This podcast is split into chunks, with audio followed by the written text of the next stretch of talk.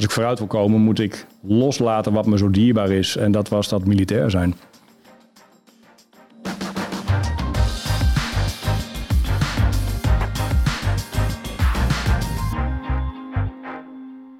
Dag en heren, hartelijk welkom bij alweer een aflevering van de podcast Onbeperkt. Want beperkingen bestaan uiteindelijk niet in het leven, maar zitten vaak in je hoofd. Ook als het lichaam niet altijd even goed functioneert. En daar praten we vaak over in dit programma. Dat doe ik samen met Eva. Even goed dat je er weer bent. Dankjewel, jij ook. Ja. Hoe gaat eh, het? Ik, ja, uitstekend. Ja? Ja, nee. Ik heb een nieuw ritme in mijn leven. Hè. Ja, jij doet geen ochtendshows meer. Nee, Hoe lekker. bevalt dat? Ja, heel fijn. Slaap je dan nu elke keer uit? Nee, want ik breng de kinderen naar school. Oh. Dat scheelt er altijd een uur. Dus, eh, Oh, nou dat is best ja, veel, s ochtends. veel, ja, zeker. Dat is fijn. Ik ben benieuwd wie we hebben. Zelf. Nou, we hebben een hele leuke gast vandaag. We hebben Edwin Wolf, welkom. Eh, je bent oud-militair. En als ik het goed zeg, ben je ooit op een antipersoneelsbom gaan staan. Bijna goed. Bijna goed. Antipersoneelsmijn. Mijn zelfs. Daarbij ben je tijdelijk blind en doof geweest. Dat ben je nu niet meer. Maar ook je linkerbeen is toen verbrijzeld. Weggevaagd. Zoiets, ja. En daarna is het leven best wel, eh, jouw leven in het teken van de Invictus Games gaan staan. Want daar heb je in 2016, 2017 en 2018 aan meegedaan. En nu zit je in het bestuur. Twee jaar geleden had het eigenlijk moeten plaatsvinden, maar komend jaar komt het in Den Haag. Zo. Je hebt even de cv doorgelezen, of niet? Ja, Zo hé. zeker. Lekker bezig, ja. Ja, We dus, moeten eh, welkom. wat de Invictus Games zijn en dan zijn we er toch, of niet? Ja, Eh, zal ik het doen? Ik heb dat ook gelezen. ik ben heel benieuwd. Als ik het goed zeg. Ik Eh, de Invictus Games zijn voor veteranen. Dat zijn alle mensen die dus ooit militair zijn geweest. En daarna ja, beperkt zijn geraakt. Of met posttraumatische stressstoornissen te maken hebben in ieder geval. Iets mentaal ook kan dat zijn. En die kunnen zich bij de Invictus Games eigenlijk... Het meedoen is belangrijker dan winnen. Maar je laat daar zien dat je Invictus bent. Dus dat je onoverwinnelijk bent. Ja. Ik denk dat jij dat ook bent.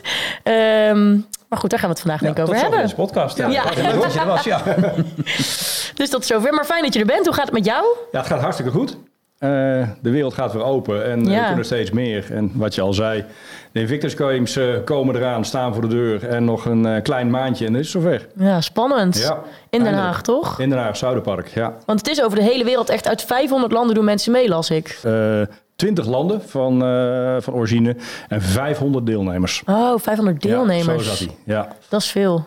Eh, dat is best wel eh, veel. Het zijn eh, allemaal militairen die in door de dienst gewond zijn geraakt of eh, eh, zwaar ziek zijn geworden. Dus, dus meer dan alleen maar de veteranen. Het zijn ook collega's die met een nationale inzet of wat dan ook betrokken zijn, zijn geweest. Dus je hoeft niet per definitie uitgezonden geweest te zijn naar landen als bijvoorbeeld Afghanistan. Kan Oh, ook ja. in Nederland gebeurd zijn.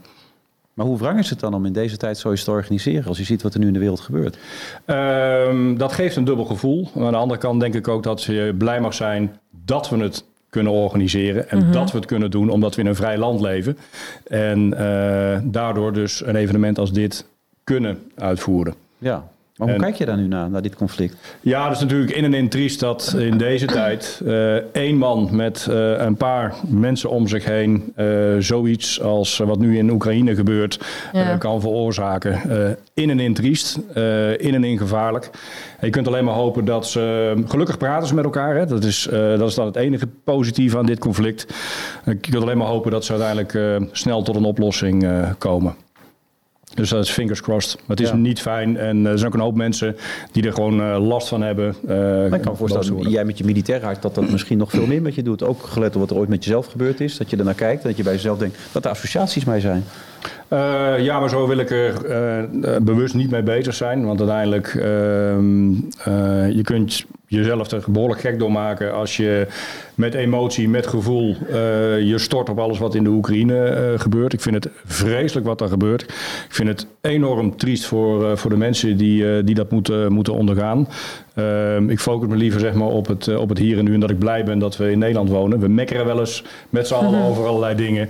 Maar ehm, eh, dan ben ik gewoon bovenal blij dat we dit zal toch wel in het systeem zitten. Ja, sorry dat ik even op doorga. Ja, maar ik, sprak, ik sprak van de week oud-luitenant-generaal Marten Kruijf. Ja. En die vertelde mij echt gruwelijke verhalen over zakken vol met, met ledematen die s'avonds bij elkaar werden gezocht enzovoort. En die vertelde wel hoe dat in zijn systeem zat. En, en wat jij daar in Bosnië zal hebben meegemaakt, dat zal ook niet altijd even Nee, fijn zijn nee. geweest. Natuurlijk zit dat in je systeem. En ik daar raken eh, mannen, vrouwen eh, gewond. Eh, die gaan door eenzelfde trauma heen als ik dat heb moeten, moeten ondergaan. Ik ken mensen die in Kiev zitten waar ik bijna dagelijks contact mee heb. Oh, echt, en natuurlijk snijdt dat door je ziel heen als je, omdat je dezelfde ervaring hebt, hebt gehad. dat, zal, dat zal ik zeker niet, niet ontkennen. En wat ik al zei, ik hoop alleen maar dat dit snel tot een goed einde komt. Want uiteindelijk ook met de vluchtelingen, uh, de whole package, alles wat er gebeurt, het is, het is in en in triest. Maar welke plaats heeft het gekregen dan bij jou? Wat, uh, wat jou is overkomen? Ja, uh, het heeft een... Sorry, ik even dominant woord hoor. Nee. het heeft een hele goede plaats uh, gekregen. en ook een, uh, weet je, een plaats van acceptatie. En dat heeft er met name mee te maken dat als je nu kijkt naar, naar Bosnië... Het is een land waar het, waar, het, waar het rustig is. Als je vandaag op het vliegtuig stapt, kun je er naartoe. En dat geeft mij in ieder geval het gevoel, oké, dan hebben we in ieder geval iets aan bijgedragen. Mhm. En uh, daar heb ik een klein steentje aan bijgedragen dat het daar nu rustig is. En daardoor geeft het mij een, eh, een goed gevoel. Uh, kijk in Afghanistan hoe we daar uiteindelijk weggegaan zijn. Ja, een hoop collega's hebben daar een ontzettende wrange smaak van in de mond. Gefrustreerd. Hadden we nooit moeten, moeten doen. En uh, ja, luister, dat, uh, dat gevoel heb ik gelukkig niet. Ja. ja, snap ik. Omdat het daar uh, ja, relatief rustig is. En wat ik al zei, stappen we nu op het vliegtuig. zitten we vanmiddag in Srebrenica en kunnen we daar gewoon rondlopen. Het heeft toen wel bijna je leven gekost. Ja, ja klopt. Hoe kijk je daar dan op terug? Ja, dus weet je, uh, het heeft bijna mijn leven gekost. Maar de kracht haal ik juist uit dat ik, uh, het was mijn tijd denk ik nog niet. En dat ik uh, hier nog ben en uh, dat ik nog leef. Hoe kan dat eigenlijk als je op een mijn stapt, dat je nog kan leven? Of? Ja, uh, in mijn geval heel veel geluk hebben. Ja, en ik, ik las ook al, daar kreeg ik ook al een beetje kip van, dat het team waar je mee was, ja. die hebben echt cruciaal gehandeld. Want je had ook een gesprongen slagader, je bent ontzettend ja. veel bloed verloren. En door hun teamwork ja. zit jij hier nog. Maar dat is ook wel echt de kracht volgens mij van zo'n, noem je dat dan een peloton waar je dan mee bent? Nou, een infanteriegroep. Ja. Uh, kijk, en ik denk dat, uh, ik vertel het ook in mijn lezingen, dat Um, uiteindelijk, ik was leidinggevende van die club. En ja. goed was uh, alleen maar goed als het echt goed was en niet een beetje goed. Want uh, binnen een gevechtseenheid kan het betekenen dat een beetje goed kan al een verschil tussen leven en dood zijn. Mm -hmm. Dus ik zat er altijd strak op dat het echt gewoon goed was. Mm -hmm. uh, en dat heeft er uiteindelijk wel aan bijgedragen dat toen het bij mij gebeurde, het was de explosie, ik werd weggeslagen, ik werd op de grond gekwakt. Blind, Weet je daar doof. nog iets van? Ik was gelukkig bij. Oké. Okay. Um, uh, blind, doof, dat die groep handelde zoals we dat ook heel veel getraind uh, hadden. Ja. En het dusdanig getraind hadden dat die gasten wisten wat ze moeten doen. En dat heeft er uiteindelijk voor gezorgd met ook een hele grote dosis geluk. Hè. Laten we de, factor geluk niet, uh, niet onderschatten. Uh, dat ik het overleefd heb. Maar uh, het draadje... Waar zat de factor geluk in dan? Ja, dat, weet je, dat, is, dat zijn dingen, daar is heel lastig antwoord op te geven. Uh, ik was bijna de, de helft van mijn hoeveelheid bloed was ik kwijt. Ja. De al helft? Een, ja, al een wonder dat dat hart dan blijft, blijft kloppen. Jezus. goede vraag, maar de factor geluk valt soms ook niet te definiëren, te definiëren nee. en te zeggen, daar heeft het aan gelegen. Nee. Ik weet wel dat het overgrote deel heeft uiteindelijk gelegen aan het professioneel handelen van, uh, van de groep waar ik verantwoordelijk voor, uh, voor was. Dat ze hun drills en skills hebben uitgevoerd en uh, niet als een kip zonder kop in paniek zijn geraakt. En ja, ze hebben gewoon gehandeld en heel goed. Maar ook de, de merk die ik bij me had, en voor die tijd relatief ervaren merk. En, uh, uh, die heeft zijn ding gedaan, maar die heeft juist ook de dingen gedaan die afweken van het standaard militair protocol. En daar heb je uiteindelijk ook lef voor nodig. Ja. Omdat dat nodig was op dat moment? Nou, hij maakte een inschatting, onder andere de slagaderlijke bloeding aan mijn linkerarm. Mm -hmm. Daar verloor ik ontzettend veel, uh, veel bloed.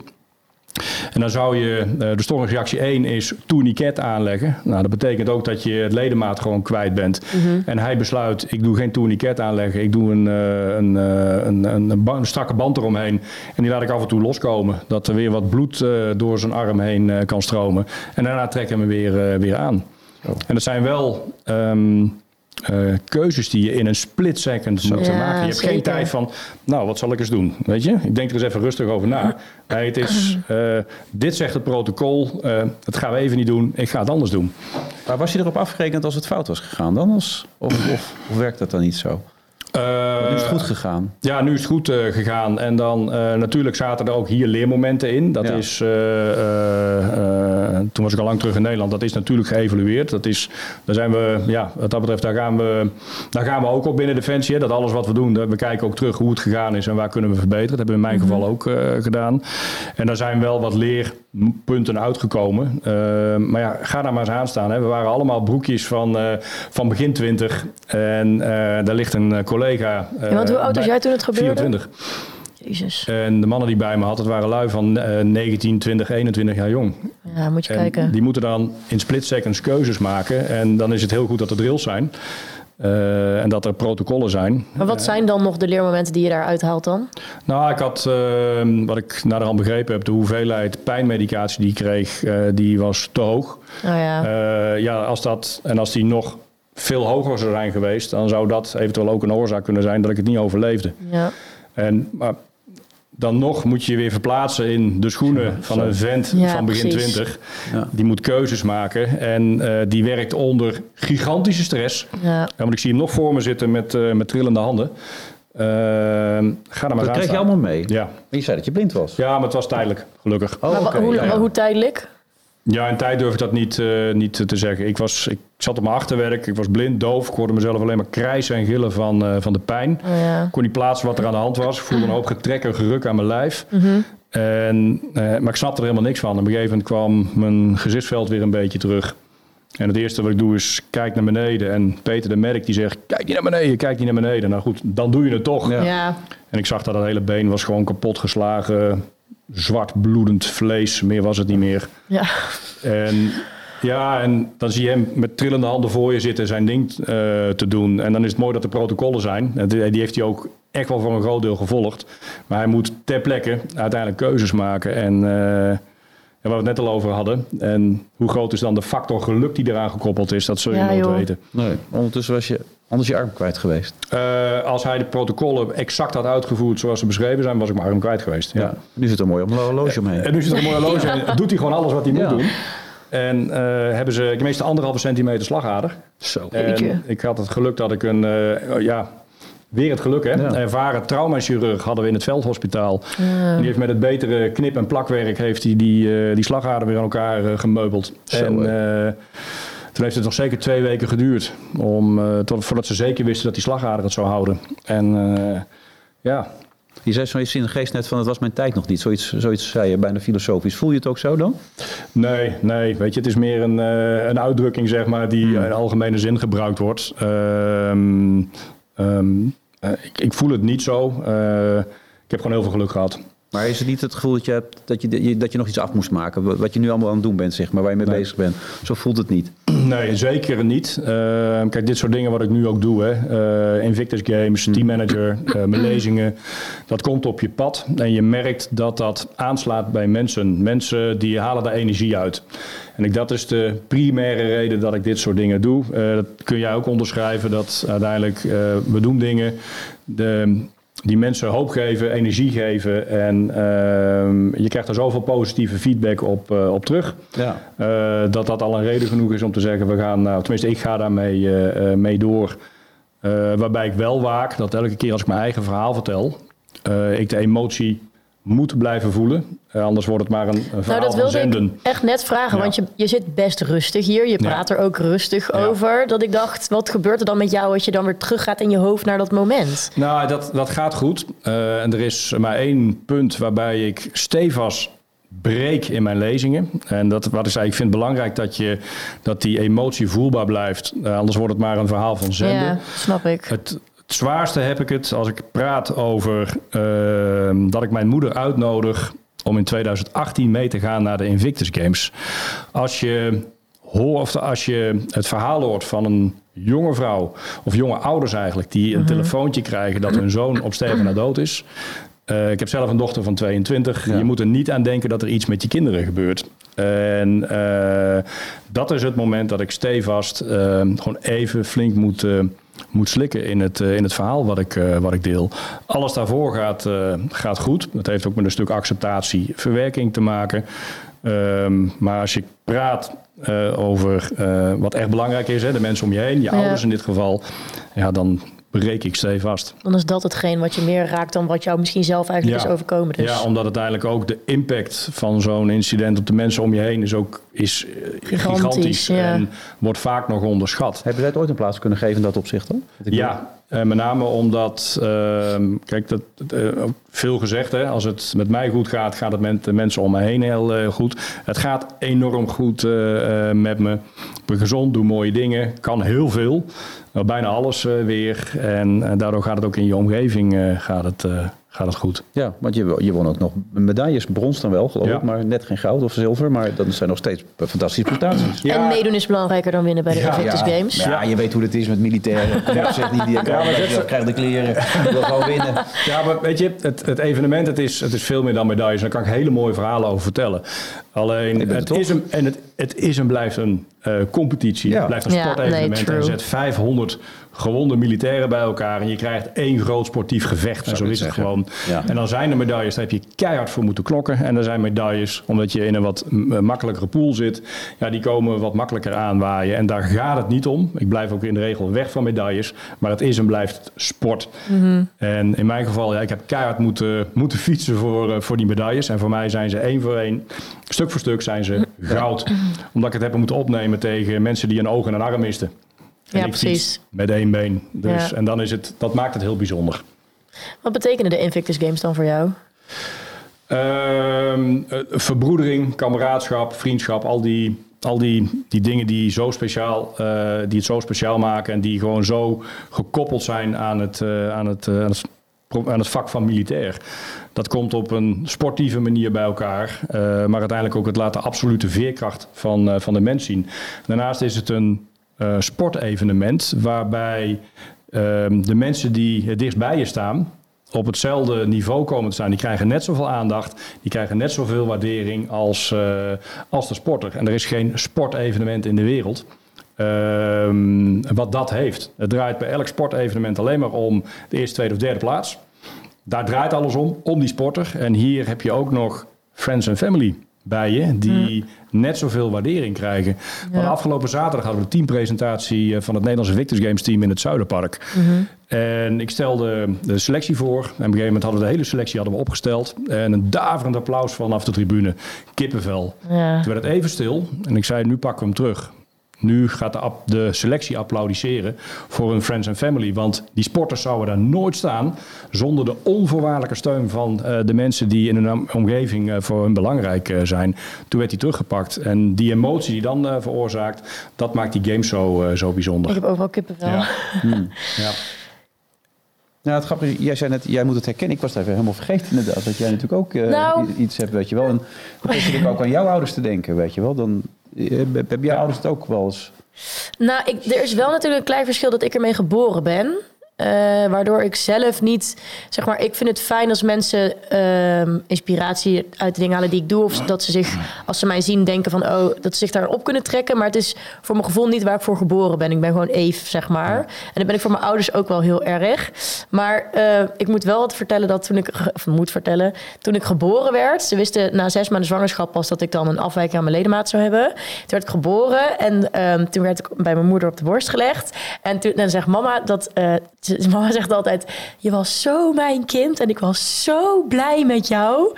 Eh, en ik denk dat dat echt ten grondslag ligt aan hoe ik zelf ook in het leven sta. Dat ik heel erg als Eve gezien werd in ons gezin. Ik heb nog twee zusjes, die zijn wel volgroeid, om het maar zo te noemen. En ik denk dat, we weten allemaal wel dat ik die beperking heb, maar dat deed er niet. Dat was een bijzaak, snap je? Ik ben gewoon wel echt als Je Eve... bent gewoon mensen, hè? Ja, precies. Ja. Als volwaardig mens. En niet dat we dan. perfect. Nee, ik ben, ik ben- ze werden even boos als mij als op Tess of Ja. Noor. En ik ben daar heel blij mee dat ik op die manier behandeld Ja. en Ja, opgegroeid was je eh, zo ben. ook als kind? Ja, mijn vader noemde me altijd Pubi.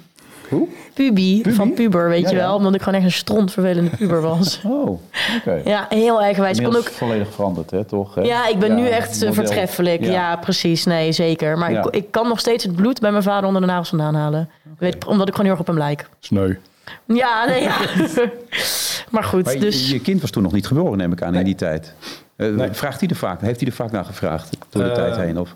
Nee, die heeft wel gevraagd wat er gebeurd was, maar eh, zij kent mij niet anders. Nee. En- Nee, dat is waar. Nee, dat is een beetje hetzelfde Ja. wat, eh, wat jij natuurlijk hebt. Ja. Zij weet niet beter. Nee. En daardoor was het voor haar niet, eh, niet gek. Ehm, Wat het wel bijzonder maakt, komen we toch weer even terug op die Invictus Games. Ik heb haar in 2017 meegenomen naar de Invictus Games in Toronto. omdat vet. ik haar wilde bedanken. En ehm, ja, zij was er toen nog niet. En hij, ze ze zegt, waarom wil je me bedanken? Ik zeg, je bent een pubermeid. Ik zeg, en hoe gevaarlijk is dat, dat je, hoe, va- hoe vaak hoor je dat wel niet, dat pubers zich schamen voor hun ouders. Ja, zeker. En nu heb je ook nog een vader met een eh, beperking. Eh, en wat zou dat denk je betekenen als jij je zo voor mij zou schamen omdat ik eh, niet helemaal compleet ben, terwijl je het tegenovergestelde doet en gewoon op social media durft te delen hoe trots je op mij eh, bent. Wat denk je wat dat met mij doet van binnen?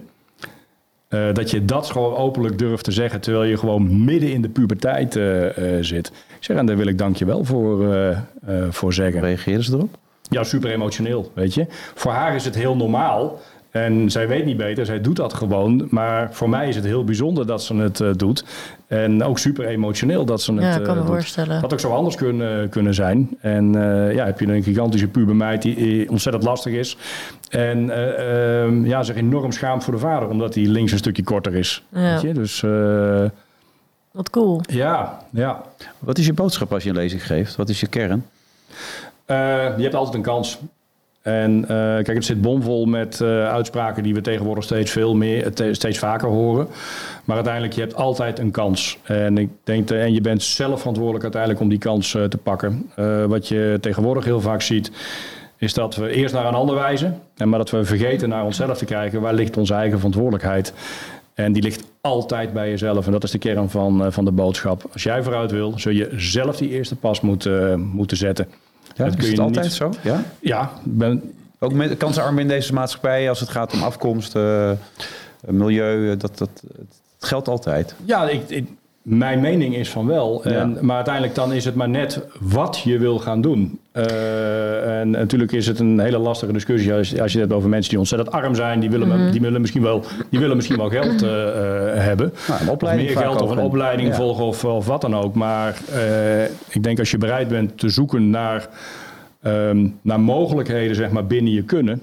ook dan eh, zul je zelf eerst die eerste stap moeten, eh, moeten zetten. Nou, en ik denk stiekem dat eh, je 9 van de 10 keer teleurgesteld bent als je ervan uitgaat dat iemand anders het voor je zal doen. Want dat gebeurt eigenlijk gewoon Nee, niet. nee. Ik Nee, denk maar dat, daarmee zeg je wel heel duidelijk, het leven is maakbaar. nou, Altijd, voor iedereen. Dat is wat je zegt allebei. eh, nou ja, niet 100% in mijn ogen, maar ik denk wel dat je als je zelf die regie houdt, inderdaad, en zelf zorgt dat het werkbaar is. Ja. En dat, dat kan niet altijd misschien zoals je wil. Hè? Dat, dat misschien niet linksom, wel rechtsom. Dat kost tijd en energie en dat is vaak een oneerlijke strijd. Dat is zo. Maar 9 van de 10 keer levert hij het wel op waar je naartoe wil of brengt het je in ieder geval verder. Daar ben ik ook wel van overtuigd. Ja. En ja, het is wel vaak oneerlijk, dat klopt. Nou ja, ik, ik, ik had van de week een interview met eh, Joris Luijendijk. Die heeft nu een boekje uitgebracht, dat heet De Zeven Vinkjes. Het blijkt dat 3% van onze eh, maatschappij bestaat uit witte mannen, hetero mannen... die zo'n beetje alle belangrijke functies in Nederland eh, bekleden. En die spelen elkaar allemaal de bal toe. Dus het, het heeft natuurlijk ook een beetje met kennis, netwerk, eh, Zeker, geluk, eh, dat waar je geboren wordt. Ja, En absoluut. bedoel, in dat 100%. opzicht- In dat opzicht is, weet, niet, weet ik niet of het leven, maar dat is mijn mening hoor, volledig maakbaar is. Er zit natuurlijk een enorme factor bij van, van mentaliteit, spirit. Ja, dat heeft jou klopt. enorm geïnspireerd, op een bepaalde manier Ja. ook, denk ik. Ik bedoel, het feit dat je een tweede kans hebt gekregen, want zo, zo zul je het ook ervaren hebben, Ja. neem ik aan, toch? Ja. Ja, en mensen vragen me wel eens vaker van eh, hoe doe je dit? Waarom kan je dit? En eh, daar kan ik ook geen 100% sluitend antwoord op geven. eh, omdat, ja, het, ik kan het gewoon. Het voelt, het voelt goed en zit het in je Er DNA. nooit ik weet- er is nooit onbegrip, er is nooit een gevoel Maar vanaf van... het moment dat je op die antipersoneelsmijn bent gaan staan tot de eerste Invictus Games, zeg maar, dat hele traject daartussen. Laat even, als we even... Want dat is nogal een verschil. Terug- ja, als we even teruggaan helemaal naar het begin. We hebben het over midden jaren 90, 1994. Die eerste periode eh, was natuurlijk een periode van verbitterdheid, verdriet. Het is gewoon puur rouwverwerking wat je, wat je moet doen. Hè? Want Ja. uiteindelijk, het is, Ik ken het. eh, het is nogal wat als je 24 jaar bent en... Je hebt eh, iets ja, niet meer wat je ook nooit ja, meer gaat ik- krijgen. Ik, ik, ik, ik mis mijn been Ja. gewoon. En ehm, daar heb ik ontzettend veel moeite mee gehad. Heel veel verdriet, frustratie, woede. Ehm, ik kom nog uit een tijd dat er eh, bij de Defensieorganisatie geen structurele nazorg eh, eh, was. Het woord bestond nog niet. Ehm, eh, waardoor er gewoon helemaal niks, niks gebeurt. Hè? Eh, de wereld staat voor je gevoel eh, stil. Ehm, acceptatie. Ehm, voor de rest van mijn leven een lichaam wat kapot is. Ehm, daar heb ik heel veel moeite mee gehad. Daar ben ik ontzettend verdrietig over geweest. Daar heb ik om gejankt. Daar heb ik... eh, daar ben ik boos om, eh, om geweest. Alleen eh, op een gegeven moment ben ik ehm, door het lezen van een goed boek. ehm, daar werd ik zo gespiegeld. Ehm, We willen het boek weten natuurlijk. Maar... ja, dat is een boek van Douglas Bader, een Engelse gevechtspiloot die net voor de Tweede Wereldoorlog twee benen verloor door het vliegen met een stuntvliegtuig. En die man is uiteindelijk eh, heeft geluk gehad dat hij gevechtsvlieger mocht worden en is in de slag om Engeland doorslaggevend geweest. En als je dat boek leest wat hij met twee houten benen in die tijd gedaan heeft, dat heeft als, dat kan bij mij een beetje zo naar binnen van als hij toch ehm, zijn dromen kan najagen in die tijd en ook na de oorlog. Dan kan ik dat toch ook eh, Ja. met één been, met de technieken die we tegenwoordig eh, hebben. Ehm, Was dat boek een soort van omslagpunt? ja, samen met, eh, met goede mentale begeleiding. Ik, Ja. ik weigerde dat ook op dat moment. Eh was Maar niks dat voor mij. betekent ook dat in alles geldt dat je het altijd niet helemaal alleen kan. Hè? Ik bedoel, dat is zo heel belangrijk om te vermelden dan ook. Ja, dat, is, dat is ook toevallig de laatste slide in mijn lezing. Die heet ook Alleen is geen. En er staan allemaal Ja, foto's ja. op van vrienden, familie en zo. Eh, Waar het applaus dus ook voor was. ja, Ja. weet je. Dus eh, zonder die onvoorwaardelijke steun. En dat zijn, niet, dat zijn uiteindelijk niet alleen de, de familie, je ouders, je, je, je man, eh, vrouw, maakt niet uit. Maar dat zijn ook, dat zijn ook je eh, docenten op school, weet je. eh, Ja. Die je goed moeten begeleiden. Ja, Het- precies. weet je, het, het is de whole package. Ehm, Ja, en je was pas 24, hè? ja, Dat is echt jong. ja, maar ik heb op een gegeven moment, om vooruit te kunnen, had ik zoiets, moet je loslaten. En als je vanaf jongs af aan al militair wilde worden. Ehm, ik heb echt letterlijk in mijn blote kont voor de spiegel gestaan. En tegen mezelf gezegd, dit is het. Ik heb staan janken. Ik heb staan janken. Maar ik heb gezegd, ik ga wat anders met mijn leven doen. Met militair zijn. Ik heb zes prachtige jaren gehad. Dat wilde ik van kinds af aan, eh, wilde ik dat doen. Maar ik ga nou wat anders doen. Wat wist ik op dat moment nog niet. Maar ik ga alles uit het leven halen. Eh, want ik leef, weet je. En eh, dat was een beetje samen met dat boek. Met die eh, coach eh, erbij. Eh, dat was een hobbypsycholoog die een beetje gestudeerd had. En uiteindelijk acceptatie. en me realiseren dat als ik vooruit wil komen, moet ik loslaten wat me zo dierbaar is. En dat was dat militair zijn. En nu ben je ook een klein beetje toch onderdeel van de, onderdeel van de nazorg. Want jij bent nu ook betrokken bij ehm, veteranen die protheses, geloof ik, krijgen. En bij de ergotherapie en dat Ja. soort dingen. Want er is- nu heel veel mogelijk, geloof ik. Ja, ja, ik heb. eh, ik, Wat jij toen niet had, zeg maar. Ja, ik werk als eh, leidinggevende zeg maar, op, ehm, op het militaire revalidatiecentrum in Doorn. Ja. Waar ehm, zowel militairen komen met een beperking als mensen uit, eh, uit de burgermaatschappij. Dat maakt het werk zo, eh, zo leuk. Dus enerzijds links sta ik binnen met mijn been binnen Defensie en rechts sta ik er buiten. Letterlijk. Ja, en ehm, ik, ik, ik leid een team van, eh, van dik 20 mensen. En wij zijn verantwoordelijk voor het leveren van medische hulpmiddelen. En wij zorgen er dus onder andere voor dat militairen die iets oplopen, weer kwaliteit van leven krijgen door, eh, door een goed hulpmiddel. En eh, daar kom ik dus zelf ook als klant. Maar hoe is dat dan om te zien dat er dan mensen binnenkomen die dus door iets gaan waar jij bent geweest? Het, is, ehm, het zijn net allemaal kopieën van mezelf die je binnen ziet eh, komen. ja? Ja, mensen die onzeker zijn, emotioneel. Het eerste moment dat je weer op een prothese kan staan is heel bijzonder. Hè? Je kunt je gewicht weer op twee benen verde- verdelen. Ehm, het zijn net of ik kopieën van, van mezelf eh, zie. En, eh, maar het is, wat, wat mooi is dat je... De eerste fase is onzeker en op een gegeven moment zie je die mensen groeien. Eh, want de wil om te overleven en te leven is gewoon groot. En dan zie je de eerste, na een aantal weken zie je mensen al doelen stellen en, en afstanden die ze willen lopen. En dat is geweldig om, om te, mogen, te mogen zien. En te ervaren om daar zo dichtbij betrokken te zijn. Hoe oud was jij toen je voor het eerst weer op twee benen kon staan? Ja, 24. Je hebt wel meteen die prothese gekregen toen. Ja, ik was, dat was eh, begin september 1994 eh, begon ik met revalideren. Oh ja. En ehm, in september stond ik ook al meteen weer op, eh, op twee benen met een bovenbeenprothese. Hoe was dat? Super emotioneel. Ja, super emotioneel. Dat je, ja, je bent afhankelijk van kruk of een rolstoel tot die tijd. Ja. En dat je dan het gewicht weer kunt verdelen en gewoon weer kunt lopen. Eh, ja, mega emotioneel. En ook heel erg bijzonder. En hoe was het om, een, om de eerste keer aan de Invictus Games mee te doen? Eh, dat was in 2016, Orlando. Eh, de, de kers op de taart. En voor mijn gevoel eh, werd daar een cirkel gesloten. Ik ben er inmiddels achter dat, die, dat zo'n cirkel zal nooit echt sluiten, want er gebeurde elke keer iets bijzonders. Eh, maar super emotioneel dat, en het voelde voor mij ook als, eh, als de, de kroon op eh, een heel lang en intens eh, eh, eenzaam hersteltraject. In een tijd dat er geen structurele nazorg was. Dus ik kwam er al heel snel achter dat als ik iets wilde, moest ik het vooral zelf doen. Hè. Moest ik zelf die eerste stap maken. En daar kwam alles voor mijn gevoel bij elkaar. Ehm, dat ik naast mijn vrouw mijn zus had meegenomen. Als twee hele belangrijke mensen in dat hele traject. Mijn zus helemaal in het begin. Mijn vrouw pas, eh, pas eh, op een later eh, tijdstip. Bijzonder, echt. En, en mooi zeg maar om, om met die wereld van de Invictus Games kennis te mogen maken. Als je cirkel daar rond is, wat zou je nu nog willen dan?